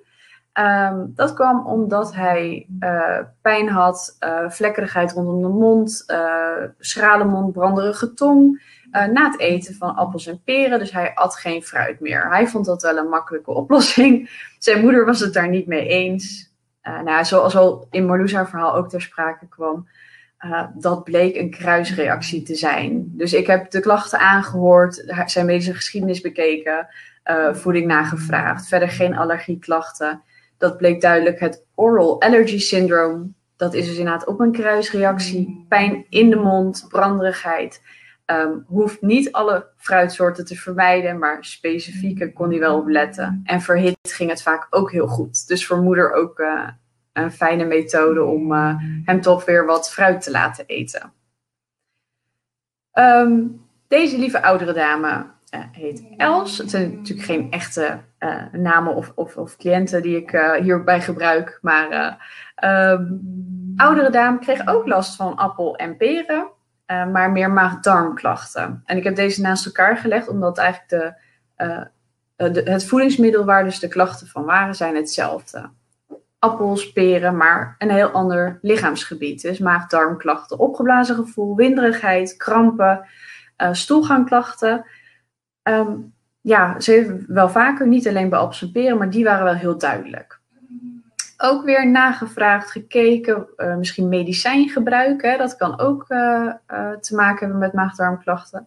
Deze mevrouw heeft geen hooikoorts, dus we hadden het niet over een kruisreactie. Um, die zie, zie, je vaak ook, of tenminste minder vaak ook echt op de maagdarmen slaan. kan wel, maar dat is eigenlijk niet, niet het geval. En uiteindelijk bleek het dus een fructose-intolerantie. wat hebben we daar gedaan? De fructose hoeveelheid in de voeding wat verminderd Kijken of dan de klachten minder werden. Daarna weer even geïntroduceerd om te kijken hoeveel ze wel kon verdragen. En wat bleek? Inderdaad, fructose was de boosdoener. Ze weet nu hoeveel ze kan verdragen van iets. Um, en er zijn ook spijsverteringsenzymen die zij kan slikken. Om toch wat fructose te kunnen gebruiken. Uh, bijvoorbeeld als zij uit eten gaat en uh, ja, ze weet niet zeker of het goed gaat. Dus dat geeft ook rust. En dat vind ik ook altijd heel belangrijk. Dat mensen geen stress of uh, ja, negatieve emoties gaan ervaren door een overgevoeligheid. Want dan kun je dus juist uh, ja, meer last van klachten gaan krijgen door de stress. Hier hebben we Jolanda. Jolanda is in de overgang en heeft ja, voor haar gevoel steeds meer last van een onrustig gevoel, jeuk, soms vlekkerigheid, een soort opvliegers. Nou, die passen ook wel bij die overgang. zeker ook naar wijn, nou, hele medische molen natuurlijk gehad. Controles, kijken, is iets met haar hart. Nou, niks aan de hand. Helemaal gezond. Uh, misschien toch wel veel stress ook ervan ervaren. En uh, ja, na een hoop zoeken en kijken samen kwamen toch wel over, uit op een histamine overgevoeligheid. Nou, dat een stukje doelgroep, een stukje voeding. En daar hebben we gewoon gekeken van nou, wat, wat gaat wel goed, wat gaat niet goed. En daar ook gekeken, ja, niet dat emmertje doen overlopen. Hè, of, of zoals Marloes dat zei, het bad doen overlopen. Want uh, ja, kleine hoeveelheid kan wel, maar het moet niet gaan stapelen. En dat je er gewoon te veel last van hebt. Ook uh, door serieus genomen te worden. Hè, door fijn uh, iemand te hebben die met je meedenkt en erover, ehm, waarmee je even goed kan sparren. Die um, toch uitgaat van een positieve uitwerking. Hè, dat, je, dat je ergens positief mee bezig bent. Dat gaf ook rust. En dat helpt ook natuurlijk weer voor een positief verloop en klachtenvermindering. Um, bij de histamine-overgevoeligheid zijn ook enzymen die je kunt gebruiken uh, om, ja, om, om eigenlijk de klachten te verminderen op het moment dat je wel wat histamine binnenkrijgt, of histaminevrijmakers. Um, ja, echt deze doelgroep dus. Een, een leuk feitje over histamine-overgevoeligheid of over ja, sowieso overgevoeligheden. Uh, veel vrouwen ervaren dat als zij bijvoorbeeld in verwachting zijn, geen last meer hebben van die histamine of veel minder. En dat kan kloppen omdat op het moment dat een vrouw in verwachting is, de placenta heel veel DAO aanmaakt. En DAO, D-A-O, is het enzym wat histamine afbreekt. Um, of vermindert eigenlijk hè, in het lichaam. En daardoor kun je het dus kun je op dat moment veel beter tegen histamine. Dus dat kan ook bepaalde veranderingen verklaren, buiten dat het puur hormonaal is, heeft dat ook zeker te maken met spijsverteringsenzymen. Dus uh, leuk om dat te weten. Nou, ik ben er zo snel mogelijk doorheen gegaan, dus dat is minder gezellig misschien, maar hopelijk komen we nu beter uit met de tijd. Dus dan eh, eh, geef ik het woord nog heel even aan, uh, aan Marloes, denk ik. Of, of wil Tamara, wil je meteen naar de vragen? Nee, Wat maak je verhaal, ja, jullie mogen je verhaal afmaken hoor. Mijn moeder heeft inderdaad ondertussen echt heel hard zitten werken. echt zoveel mogelijk terug. Nou, ik heb gewoon echt niet vaak gehad dat er zo ontzettend veel vragen binnenkwamen. Dus het is voor ons ook wel uh, een beetje een nieuwe situatie. Dus nou gelukkig ja, heb ik nu twee inhoudelijke experts in plaats van één. Dus is Marloes ondertussen uh, ja, echt ook al van alles aan het uh, beantwoorden. Um, dus nee, rond, rond gerust eventjes af. Nou, dan zal ik die laatste slide eventjes heel kort, kort doen. Um, als je dus geen allergie hebt, um, nou ja, stap 1 is dan ga zoveel mogelijk een gezonde leefstijl nastreven. Als je dan kijkt naar voeding, uh, wat wij dan adviseren, nou ja, dat, dat is echt één op één terug te vinden in het online leefstijlprogramma van, uh, van Tamara. Um, onbewerkt, zoveel mogelijk plantaardig en uh, ja, voldoende gezonde vetten. Dat is een beetje waar het op draait. Koolhydraat beperkt is vaak ook voor veel mensen goed. Dat zag ik ook veel terugkomen in, in de vragen. Mensen die last hebben van ja, een opgejaagd gevoel na het eten of die last hebben van een, een, uurtje na het eten van een soort dipje. Nou, dat komt vaak door koolhydraten. Je lichaam heeft heel veel last om dat uh, te verwerken. Dat kost veel moeite en uh, moet veel insuline aanmaken. Nou, heel leuk filmpje, ook op het YouTube-kanaal van Tamara. Uh, dus gezonde leefstijl is onze eerste stap. Um, als dat niet voldoende helpt, hou je dagboek bij, doe die anamnese bij je huisarts of bij een diëtist. En alsjeblieft, allemaal ga je grens opzoeken. Dus vermijd niet iets altijd. Nou, dan komen er nu weer allemaal vragen over, uh, over wat zijn dan de gezonde vetten en wat zijn die fructanen nou allemaal. Ja, maar uh, ik ga ja, gezonde wat... vetten, dat mag jij doen, hè? Nou, want normaal gesproken ben ik degene die de hosting doet en de vragen stelt vanuit de chat. Maar het is nu zo door elkaar heen allemaal. Dat Marloes, volgens mij ben jij degene die nog het beste doorheeft wat nu wel of niet beantwoord is. Dus uh, nou, de gezonde vetten zal ik nog even uitleggen. En daarna hoop ik dat jij de hosting van de vragen wil doen. Aangezien Kom maar door. het echt helemaal supergoed in orde. Nee, die gezonde vetten bedoelen we met name de vetten. Hè, dus je hebt de onverzadigde vetten. Dat zijn met name de nou, de avocado's, de olijfolie, uh, vette vis. Um, hè, dus dat zijn natuurlijk echt de hele gezonde vetten waarvan, daar is ook niet veel discussie over. Dan heb je nog de verzadigde vetten, nou de transvetten, daar is ook niet de discussie over. Hè. Dat zijn echt in kant-en-klaar maaltijden, pakjes, zakjes. Daar is ook niet zo de discussie over. De discussie is vaak over het verzadigd vet. En uh, wat we uh, denk nu is dat er een, uh, en dat zit met name in vlees, maar dat zit ook bijvoorbeeld in volle zuivel, volle kaas. Um, als je kijkt naar de laatste stand van de wetenschap, is dat er toch zelfs binnen verzadigd vet ook daar weer een scheiding in is. En dat je het, de volle zuivel uit, um, of sorry, de, volle, de, de verzadigde vetten uit zuivel niet kunt vergelijken met die van bijvoorbeeld vlees. Dus dat volle zuivel, daar is eigenlijk niet zoveel bezwaar mee. Maar grote hoeveelheden vlees, wisten we eigenlijk al. En zeker bijvoorbeeld rood vlees. Ja, daar proberen we echt toch uh, echt wel van af te blijven. En daarom zul je die dus ook niet terugvinden in het uh, online leefstijlprogramma. Oké. Okay. Nou, lieve dames, uh, we hebben nog een kwartier. take it away, zou ik zeggen. Nou, dat gaan we niet redden. Dus excuses. Ik had het bij voorbaat al gezegd, maar nu ook nog nu.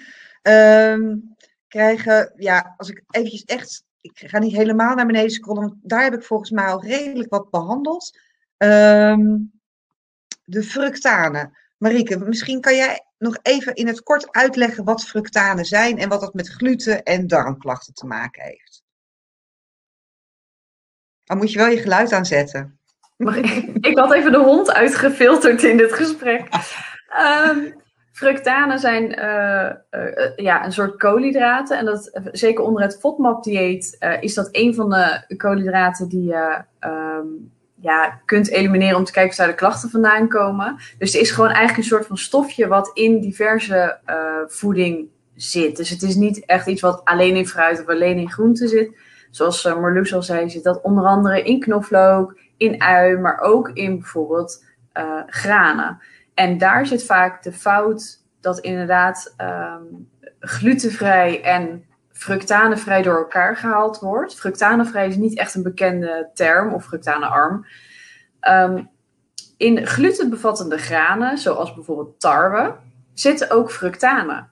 En als je dan dus buikpijn krijgt van iets waar tarwe in zit, hoeft dat niet aan de gluten te liggen, maar kan het aan de fructanen liggen. En ja, daar gaat het dus vaak fout. Marloes had ook al uitgelegd over spelten. Uh, spelten wel gluten, maar minder fructanen. Dus als dat goed gaat, dan weet je van nou, dan moet ik toch eens uh, naar de fructanen gaan kijken. Helder. Ja. Ja, er komt ook nog uh, wat uh, over die zuivel, als je daar last van hebt. Dat het ook, hè, dat hoeft niet altijd koemelk, eiwit of een lactose-intolerantie te zijn. Het kan ook een caseïne-probleem uh, zijn, het verwerken van de caseïne in, in melk. daar weten we steeds meer van. je hebt tegenwoordig A2, A2-melk. Ik weet niet, heb jij dat wel eens gezien, Tamara? Nee, ligt bijvoorbeeld ook bij de Albert Heijn. Um, en dat is een, uh, ja, een, een, iets andere. Ja, het komt of van een andere koe of het is iets anders verwerkt. En er zitten andere eiwitten, of uh, caseïne-eiwitten in. En sommige mensen met prikkelbare darmsyndroom kunnen dus niet zo goed tegen normale melk, maar wel tegen die A2, A2-melk. Dus je zou het kunnen proberen. Als je een koemelkallergie hebt, dan niet, want dan ja, er zit net zoveel eiwitten uh, in de ene melk en in de andere melk, maar dat is wel een, uh, een idee om het op die manier uh, te testen. Um, kan het zijn als je celiakie, als die nog niet hersteld zijn, dan kunnen er allerlei andere intoleranties tijdelijk zijn. Nou, net als bij die leaky gut, um, ja, probeer het uit. Het meeste wat samengaat is lactose. En dus als je net celiakie hebt en je hebt nog heel veel klachten, ook al eet je glutenvrij, uh, probeer dan ook lactose eventjes uh, achterwege te laten. Ik wil nog even één vraag aan, aan jullie, want ik heb die ook wel vaker gehoord, ook in mijn praktijk. En als ik denk dat dit uh, is misschien een oude patiënte van mij, dus als jij dit bent, dan weet jij over wie ik het heb. Ze vraagt, um, ik eet geen gluten en zuivel en ei, dan gaat het redelijk goed, maar ik krijg wel darmklachten en obstipatie. En dat hoor ik inderdaad wel vaker als mensen dus geen gluten, met name geen tarweproducten en zo, dat ze met name die niet oplosbare vezels uh, missen, dat mensen toch wel last krijgen van darmklachten en obstipatie. Horen jullie dat uh, vaker en wat kan je daarbij adviseren? Ja, um, wat, wat een risico is als je bepaalde uh, voedingsgroepen weglaat, is dus dat je inderdaad gewoon vezels mist. Um, uh, dus ja, eigenlijk dan wel letten op, op verschillende vezelsoorten, ook uit uh, ja, dus niet-graanproducten. Veel glutenvrij brood bijvoorbeeld is vrij uh, zoet, zit veel suikers weer in. Dus het is qua voedingsstof toch anders om glutenvrij brood bijvoorbeeld te eten dan dat je gewend bent misschien een volkoren boterham te eten. Dus ik denk inderdaad dat, dat, dat echt obstipatieklachten te maken hebben met gewoon een vermindering in inderdaad de hoeveelheid vezels. En dat ja, vezels haal je natuurlijk uit verschillende bronnen, hè, verschillende vezelsoorten. Um, groente, fruit, maar inderdaad ook uh, zaden uh, of nootjes. En dat kan natuurlijk wel als je glutenvrij eet.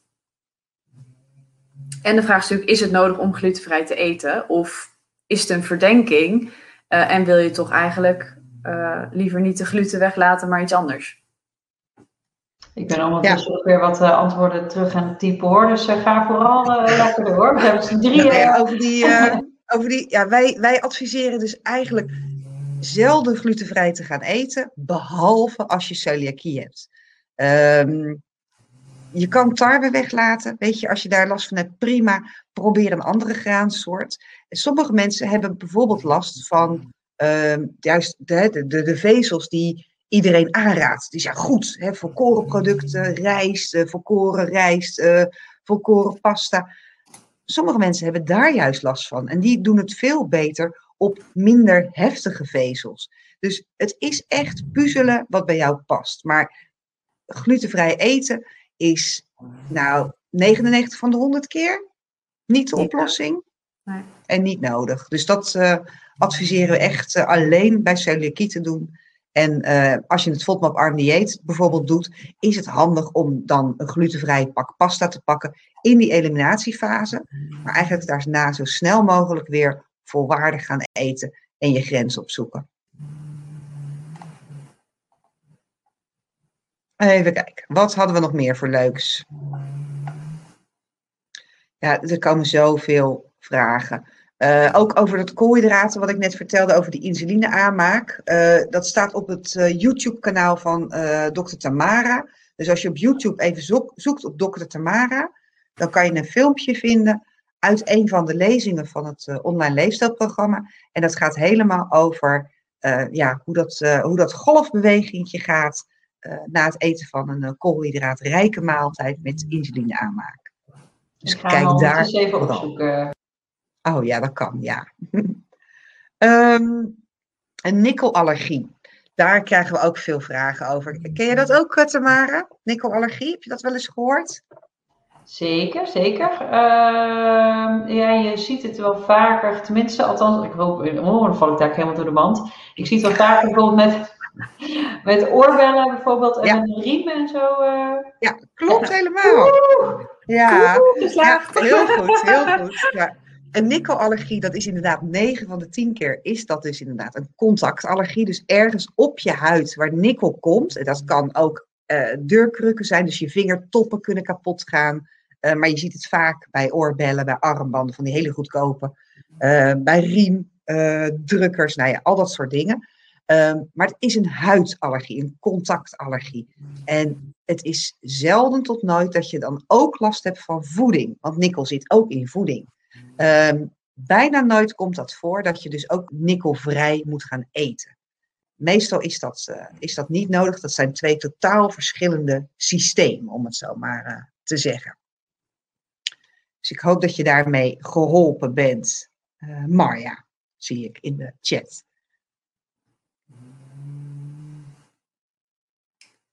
Even kijken. hele verhalen over, uh, over Guusje, de, de boel. Ja. um, kan je oh. het FODMAP-dieet doen als je colitis hebt of Crohn? Nou, zeker. Um, colitis of Crohn wordt er niet beter van. Absoluut niet, want die ontstekingen kunnen we niet weghalen. Maar wat we bij het FODMAP-dieet uh, proberen, is uh, van mond tot kont uh, te zorgen dat die spijsvertering fantastisch gaat lopen. Dus als je dan een ontsteking hebt, dan ja, is eten natuurlijk niet zo fijn. Want je, je, ja, je doet eigenlijk je darmen, uh, daar komt weer zo'n berg eten aan. Nou, bij het FODMAP-dieet zorg je er dus voor dat je darmen rustig worden, waardoor je minder klachten kunt hebben van je colitis of je Crohn. Dus het is niet specifiek daarvoor gemaakt, maar het helpt wel heel goed. Want ja, ik kan me zo voorstellen, als jij uh, heel veel uien eet en je hebt een ontstoken darm, ja, dan is het uh, pijn op pijn. Dus dat is uh, absoluut niet, uh, niet handig. Ja, even een kleine aanvulling, Marloes. Wat je vaak ziet is dat mensen met colitis en Crohn, die hebben ook heel vaak PDS. Dus het is vaak een combinatie. Dus vandaar dat het inderdaad zo effectief is. Ik zie best wel patiënten in de praktijk hiermee. En mijn ervaring is toch echt dat een groot deel van de mensen minder klachten krijgt. Dus is absoluut de moeite waard om in ieder geval te proberen wat het voor jou, uh, wat het voor jou doet. Ja, doet het niks, dan zou het ook natuurlijk aan heel veel andere dingen kunnen liggen. Hè? Dus bijvoorbeeld ook uh, stress heeft er veel invloed op, slaap, of je wel of niet rookt.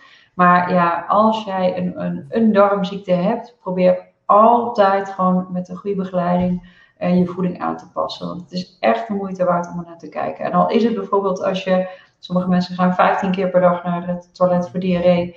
En je gaat dan maar vijf keer per dag. Dan is toch qua kwaliteit is dat natuurlijk echt wel een enorme verbetering. Dus het is zeker de moeite waard. Ja, absoluut. Ja, ik zie hier ook vaak een vraag, of die zie ik al een paar keer terugkomen, van joh, hoe kan het nou dat ik op bepaalde voeding soms wel reageer en soms niet? Ja, Marieke, weet jij daar een leuke, leuke draai aan te geven?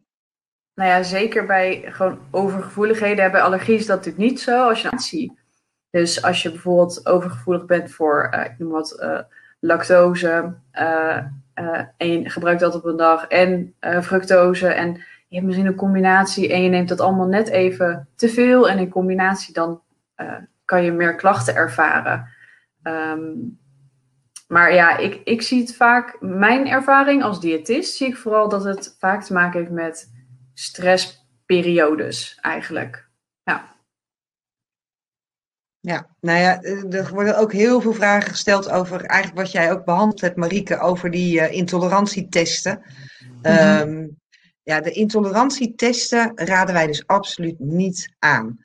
Um, als je via je huisarts een onderzoek laat doen, dat kan bijvoorbeeld met een waterstofademtest, dan kan fructose-intolerantie vastgesteld worden, dan kan lactose-intolerantie vastgesteld worden en SIBO. SIBO uh, is die bacteriële overgroei van je darmen. Dat kan ook met een waterstofademtest, maar dat kan lang niet bij alle ziekenhuizen in Nederland. Ik weet dat bij ons in de regio uh, het wordt gedaan in het Maastadziekenhuis in Rotterdam. Um, en zo zijn er nog een paar. Uh, vraag het even na of zoek het even op. Maar er zijn er niet zo gek veel die die waterstofademtesten doen voor het SIBO-dieet. wel de gewone lactose en de fructose, die wordt wel vaak gedaan. Um, celiakie kan je vaststellen. In eerste instantie wordt er meestal even een beetje gekeken naar je bloed. Of je ja, een specifiek stofje hebt. Um, als dat niet afdoende is en je hebt toch hele erge verdenkingen op celiakie, dan wordt er meestal een biopsie genomen van je dunne darm. En daar wordt gekeken op kweek of je celiakie hebt. Dus dat, dat zijn de standaard testen die er zijn. Uiteraard die allergietest, wat ik al vertelde, hè, voor die, uh, om echt uit te sluiten of je een allergie hebt of niet. En de rest, ja, jongens, ik wil jullie graag mijn rekeningnummer geven. Maak alsjeblieft het geld naar mij over en ga niet het geld uitgeven aan die intolerantietesten. Het mag ook trouwens naar een Giro 525. Ja, maar doe het niet. Weet je, het is echt, het zegt helemaal niks. Radar heeft daar uh, twee uh, onderzoeken naar gedaan. Het is ook ja, echt mijn passie. Ik word daar echt een beetje ja, vurig van. Um, Radar heeft twee onderzoeken gedaan, bijvoorbeeld met zo'n haartest. Die hebben toen uh, van de redactieleden, ik geloof drie mensen, hebben toen een haarstreng opgestuurd naar drie verschillende uh, instanties die daar de intoleranties uit zouden kunnen halen.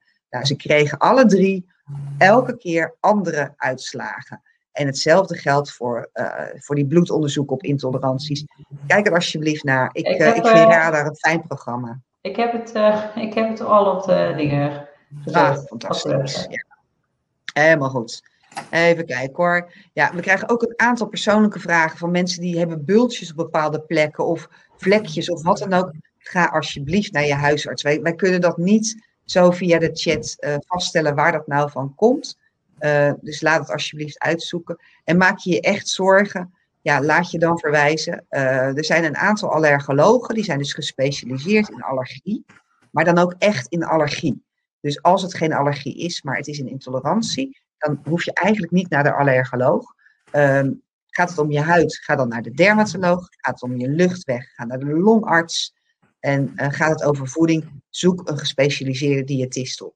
Op onze website, uh, op Allergieplatform, hebben we een hele verzameling van diëtisten die gespecialiseerd zijn in voeding. Um, en ja, als je echt iets heel specifieks wil weten, stuur ons dan even een berichtje. En dat kan via onze social media kanalen of uh, via e-mail. Uh, als je bijvoorbeeld uh, ja, echt een specialist zoekt voor, nou ja, noem eens wat bijzonders, mastcelactivatie. Nou, ik hoop dat jullie er nog nooit van gehoord hebben. Maar er zijn diëtisten die daarin gespecialiseerd zijn. dus ja, vraag het even na.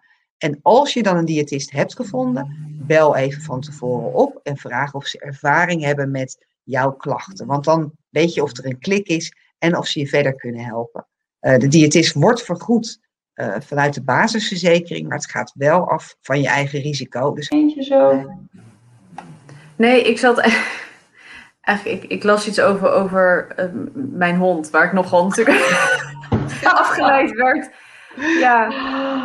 Nee, over mijn, Oh. over mijn hondenkeuze. Dat, uh, dus dat, dat was natuurlijk bij mijn hart. Dus ik was even blijven hangen. Begrijp ik, begrijp ik. Nou, Ja. Zullen we dit vraag Ja, ik vind deze van Jolanda nog, eh, nog wel leuk. Ik, ik kan niet zien eh, natuurlijk eh, wie je bent en hoe oud je bent, et cetera. Maar jij beschrijft klachten, acne in je gezicht, in je billen, jeuk heel je lijf. Ehm, en ja, ook jeuk aan je oren, ogen, dikker oogvod. Ehm, ja, van alles en nog wat. Ja, waar kan dit op duiden? Eh, het kan histamine zijn. Het kan zijn dat je eh, gewoon een infectie hebt, een bacteriële infectie. Dus ga je mee echt eventjes langs je huisarts. Ehm, ja, dat acne in je gezicht, dat kan duiden op een, op een huidziekte uiteraard.